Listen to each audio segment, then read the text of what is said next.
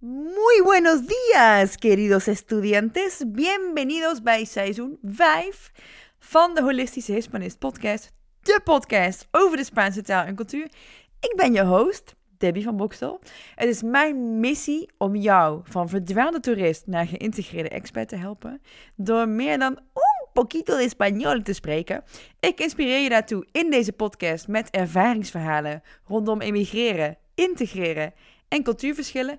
En geef je tips en tricks rondom holistisch Spaans leren vanuit mijn eigen expertise als Spaanse taalexpert. Vamos, chicos!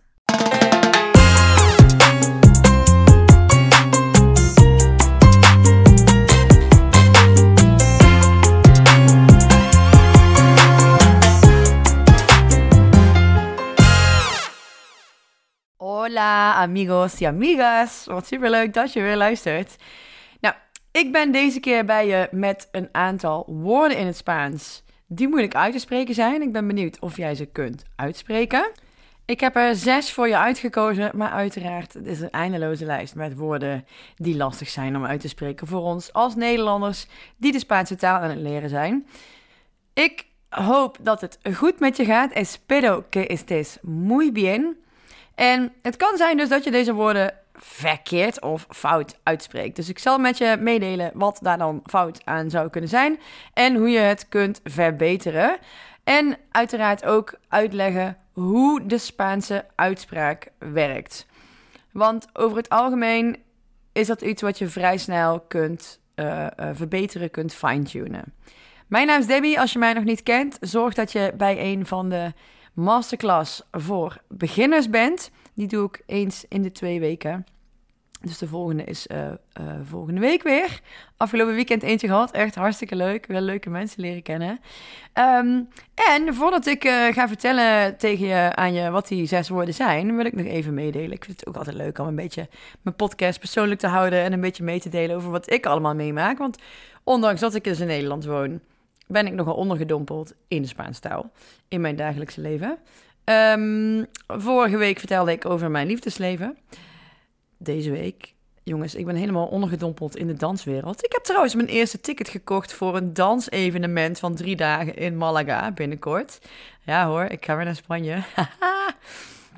En um, afgelopen weekend, ik heb, nou, ik heb een tijdje terug een liedje opgenomen met uh, vrienden. Dat zijn artiesten uit Nicaragua. Uh, hele toffe artiesten waar ik ook echt uh, ja, fan van hun muziek was toen, toen ik daar woonde. En nu wonen ze hier. Het is allemaal heel ongelukkig wat er in Nicaragua gebeurt momenteel. Um, maar goed, voor mij heel tof om toch ja, met die mensen te mogen verbinden hier in Nederland. En uh, mijn salsa-leraar zag dat en die zei: Ja, kom je zingen dan op ons salsa-feestje? En toen dacht ik: Ja, als ik nou geen ja zeg, dan ga ik het nooit doen.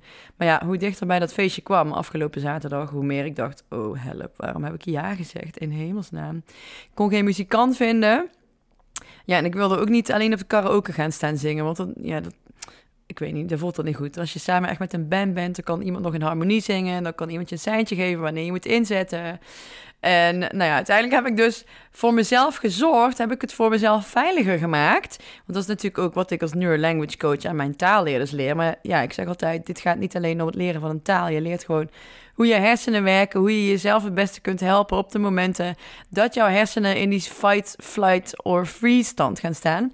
Dus ik zei, weet je wat, ik ga gewoon meezingen. Dit is een veilige omgeving, dit is mijn dansschool, ik ken bijna iedereen hier.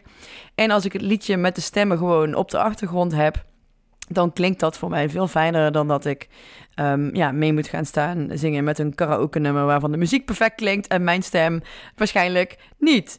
Nou, en het was super leuk. Ik ben heel blij dat ik het gedaan heb. En het ging eigenlijk zo goed dat ik nu denk: oh, misschien volgende keer wel weer. Ja, ik kan helaas de opnames niet met je delen natuurlijk. Met, uh, in verband met copyright. Maar dat wilde ik je even meegeven. Als ik 17 jaar geleden niet was begonnen met Spaans leren, dan had ik hier ook geen Spaanstalige bachata-nummers op het podium gaan staan zingen. Um, maar uh, ja, superleuk. En luister je dit, woon je ook in Nederland of in Spanje en ga je naar bachata-feestjes, ja, nodig me uit of laat het me weten, want ik doe heel graag een dansje met je. En salsa, by the way, ook. Empecemos. Laten we beginnen met de Spaanse uitspraak. Voor ons Nederlanders, Nederlandstaligen, um, want er luisteren ook Belgen naar mijn podcast, superleuk. Een van de grootste um, ja, obstakels die wij ervaren zijn, ehm, is de andere uitspraak. En het Spaanse eh, heeft een um, fonetisch alfabet. Dus dat betekent, betekent dat je het woord zo schrijft zoals je het uitspreekt. Het Spaans heeft hele specifieke uitspraakregels. Waardoor de klank eigenlijk altijd de regels volgen. En in het Nederlands ja, is dat anders. Want ook hebben wij soms één A en is het dan toch een lange A. Bijvoorbeeld in maken. Uh, nou, ik noem maar iets. En de lange ei is een lange ei, behalve in woorden als moeilijk. Uh, ja, nou, dat zijn even een aantal voorbeeldjes die ik zo top of my mind kan opnoemen. Maar uiteraard ben ik een native speaker Nederlands, dus voor mij klinkt het allemaal heel erg logisch.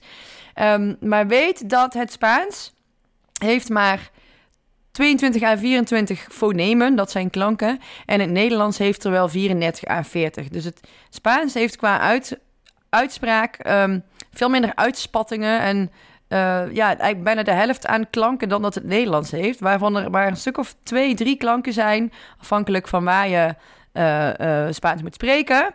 Hè, tussen de verschillende landen zijn nog wel wat, wat verschillen qua uitspraak. Um, twee of drie klanken die onbekend zijn voor ons. Want ook al hebben we bijvoorbeeld de letter U, dat is in het Spaans een U, want de U bestaat niet. Wij zullen een U heel lang blijven lezen als een U, want we ons niet aanwennen dat in het Spaans de U een OE is. Maar de OE hebben wij ook, dat is een OE. Um, dus die OE-klank is niet nieuw voor ons. Het enige wat nieuw is, is dat we de U moeten verbinden nu aan een OE-klank in plaats van aan een U. Als we een woord lezen. Nou, het eerste woord waar we mee gaan beginnen is het woord agujero. Agujero. Lees even mee in de show notes, daar zie je alle woorden staan die ik noem. Agujero. Agujero betekent gat. Dus als we zeggen, de gitaar heeft een lichaam met een gat in het midden. La guitarra tiene un cuerpo con un agujero en el centro. Agujero, nou de G is voor ons een, een G. Ik kom uit Brabant, ik heb een zachte G, maar voor de meeste Nederlanders is het een G. Dus wij zouden heel snel bij dit woord zeggen agujero. Agujero misschien wel, want de J is een, een J in Nederlands en geen G. Dus de G is hier een G en de J is een G. Agujero. En dan hebben we ook nog die ronde R, waar, we, uh, waar veel Nederlanders ook moeite mee hebben. Agujero. En let ook op dat je de klemtoon op de juiste lettergreep legt. Dit woord heeft geen accent. Het eindigt op een klinker, dus dat betekent dat de klemtoon, de klemtoon op de voorlaatste lettergreep komt, op de E. Dus het is geen agujero, agujero. En je hoort ook vaak die E, die maken wij een E van in plaats van een E. En de O maken wij een O van in plaats van een O. Alle klinkers zijn kort. Agujero. Dan hebben we het woordje desarrollar.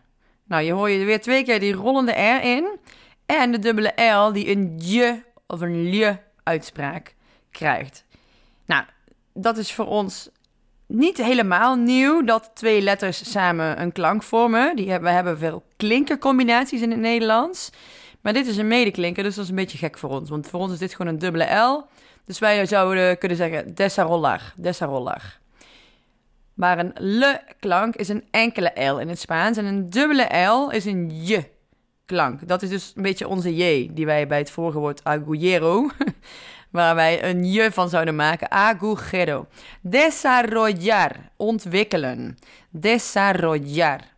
Die dubbele R, die sterke R, die hoor je dus in het midden van het woord en aan het einde van een woord. Je zult nooit een dubbele R vooraan of aan het einde van een woord zien. Maar de uitspraak, of die R nou vooraan staat of midden in een woord, is een sterke R. Desarrollar. En die laatste is dan wat zachter. Desarrollar. El reto, de uitdaging, is desarrollar proyectos de construcción. De uitdaging is projecten te ontwikkelen voor in de bouw. Desarrollar. Dus geen desarrollar. En dit woord eindigt op een medeklinker, de R. En de klemtoon ligt dan op de laatste lettergreep. Hier staat ook geen accentje op om aan te geven dat het anders zou moeten zijn. Dus het is desarrollar. Op de AR ligt het accent, de klemtoon. Het volgende woord is aguacate. Aguacate betekent avocado. Er zijn een aantal landen in Latijns-Amerika waar avocado palta heet. Ehm, maar goed, daar ga ik nu even verder niet op in. Aguacate, ik denk ook als je dat in die landen zo noemt, dat ze je grotendeels wel zullen begrijpen. Aguacate is het woord voor avocado. Avocado. En wat hier lastig aan is, is dat er een UA achter elkaar staat. Dus een U zouden wij al snel uitspreken als U in plaats van U in het Spaans, waar de U niet bestaat. En ook hier is de G dus weer een G in plaats van agua of uh, agua. Ja, ooit maken we, maken we hele rare sprongen in die uitspraken, omdat we helemaal door onze Nederlandse uitspraakbril kijken. En de C die daarin staat, dat is geen C, het is geen aguasate, maar aguacate. Een C in combinatie met een A, O of U is een K-klank en geen C-klank. En als wij een E achteraan een woord zetten in het Nederlands, dan maken we hem vaak slap. Dus dan wordt het geen E of E, maar een E. Aguacate. Ja, dat doen we in het Spaans niet. Een klinker blijft kort, blijft gewoon E. Aguacate. Aguacate.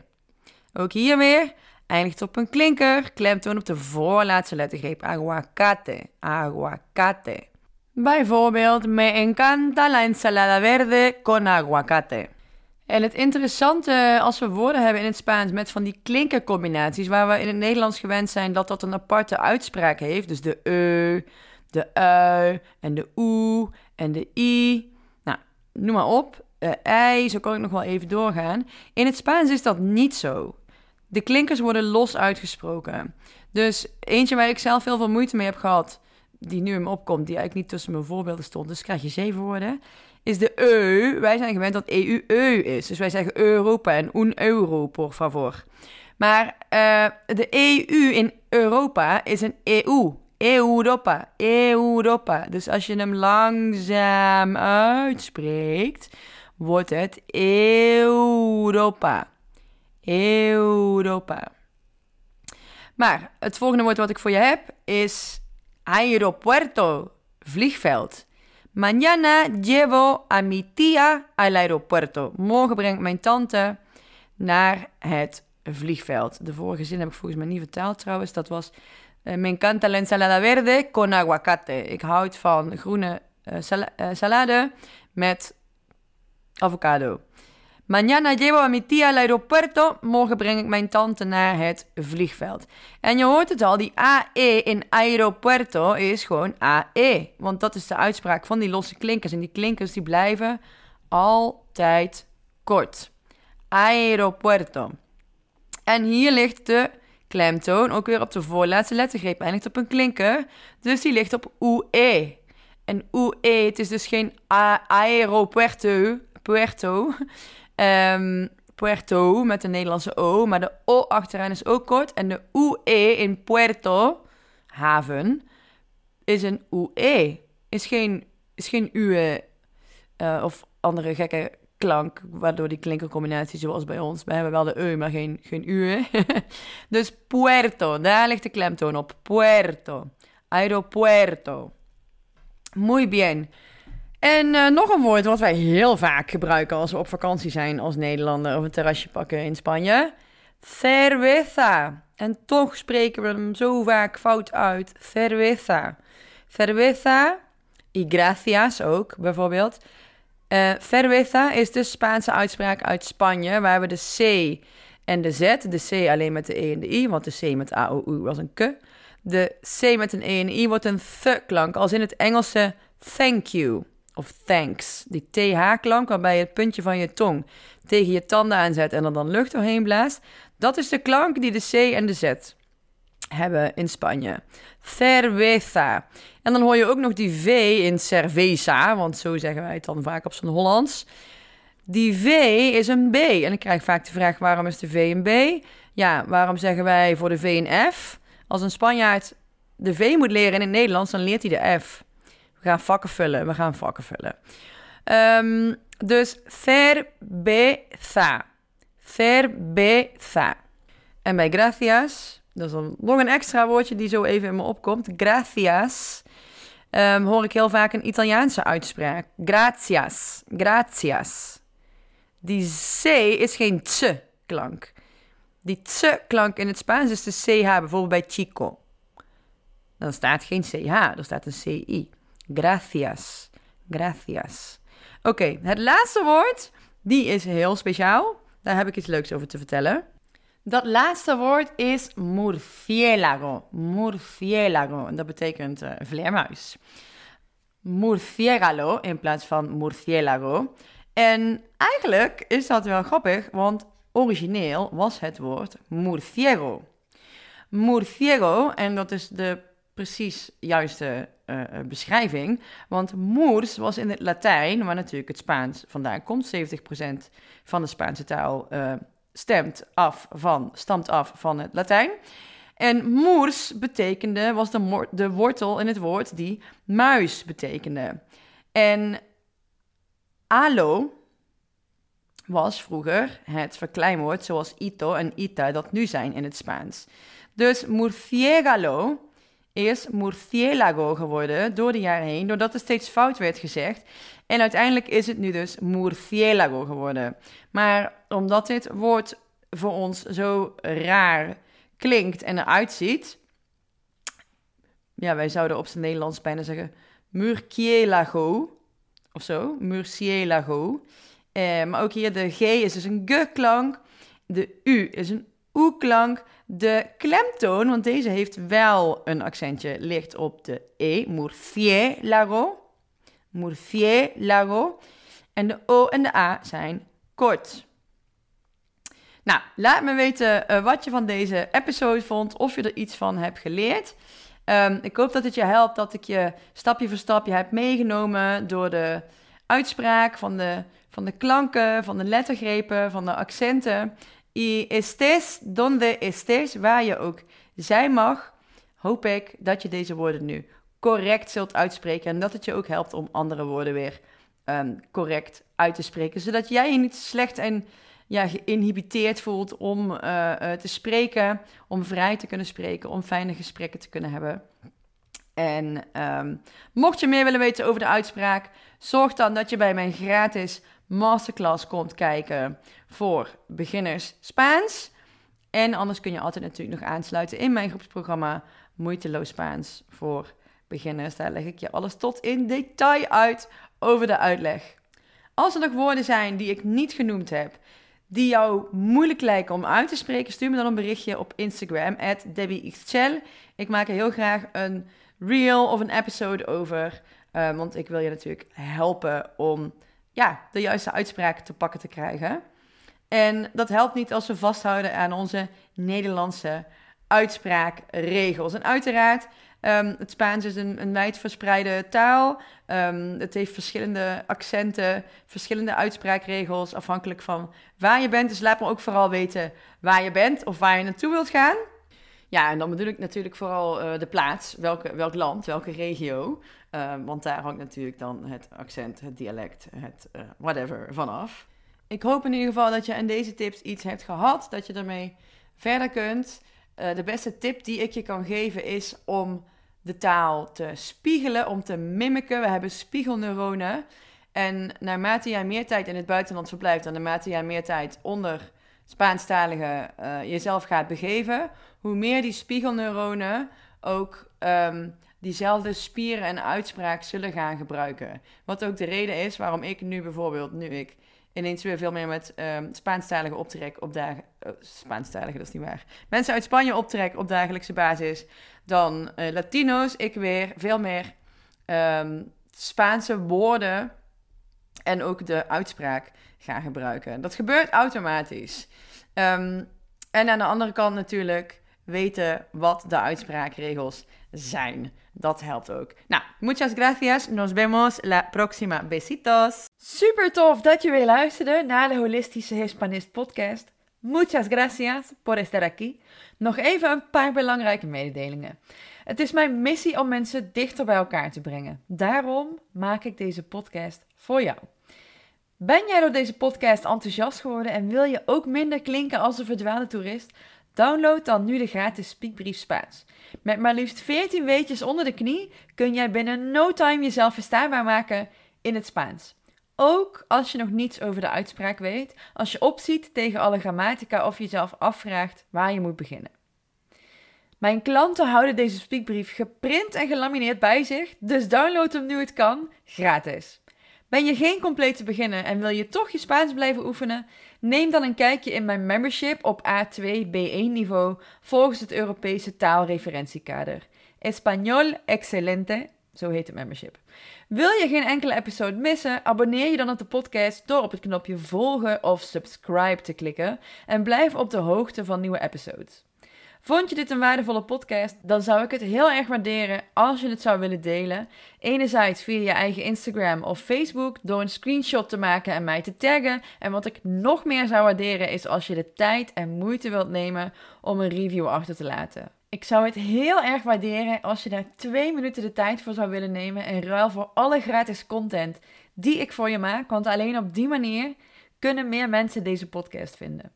Ik ben heel benieuwd wat je ervan vindt en wat je eraan hebt. Dus laat het me vooral weten als je er een korte motivatie bij wilt schrijven op Apple Podcasts. En anders kun je een x aantal sterren geven. Eén klik is all it takes. Hasta la próxima. Nos vemos.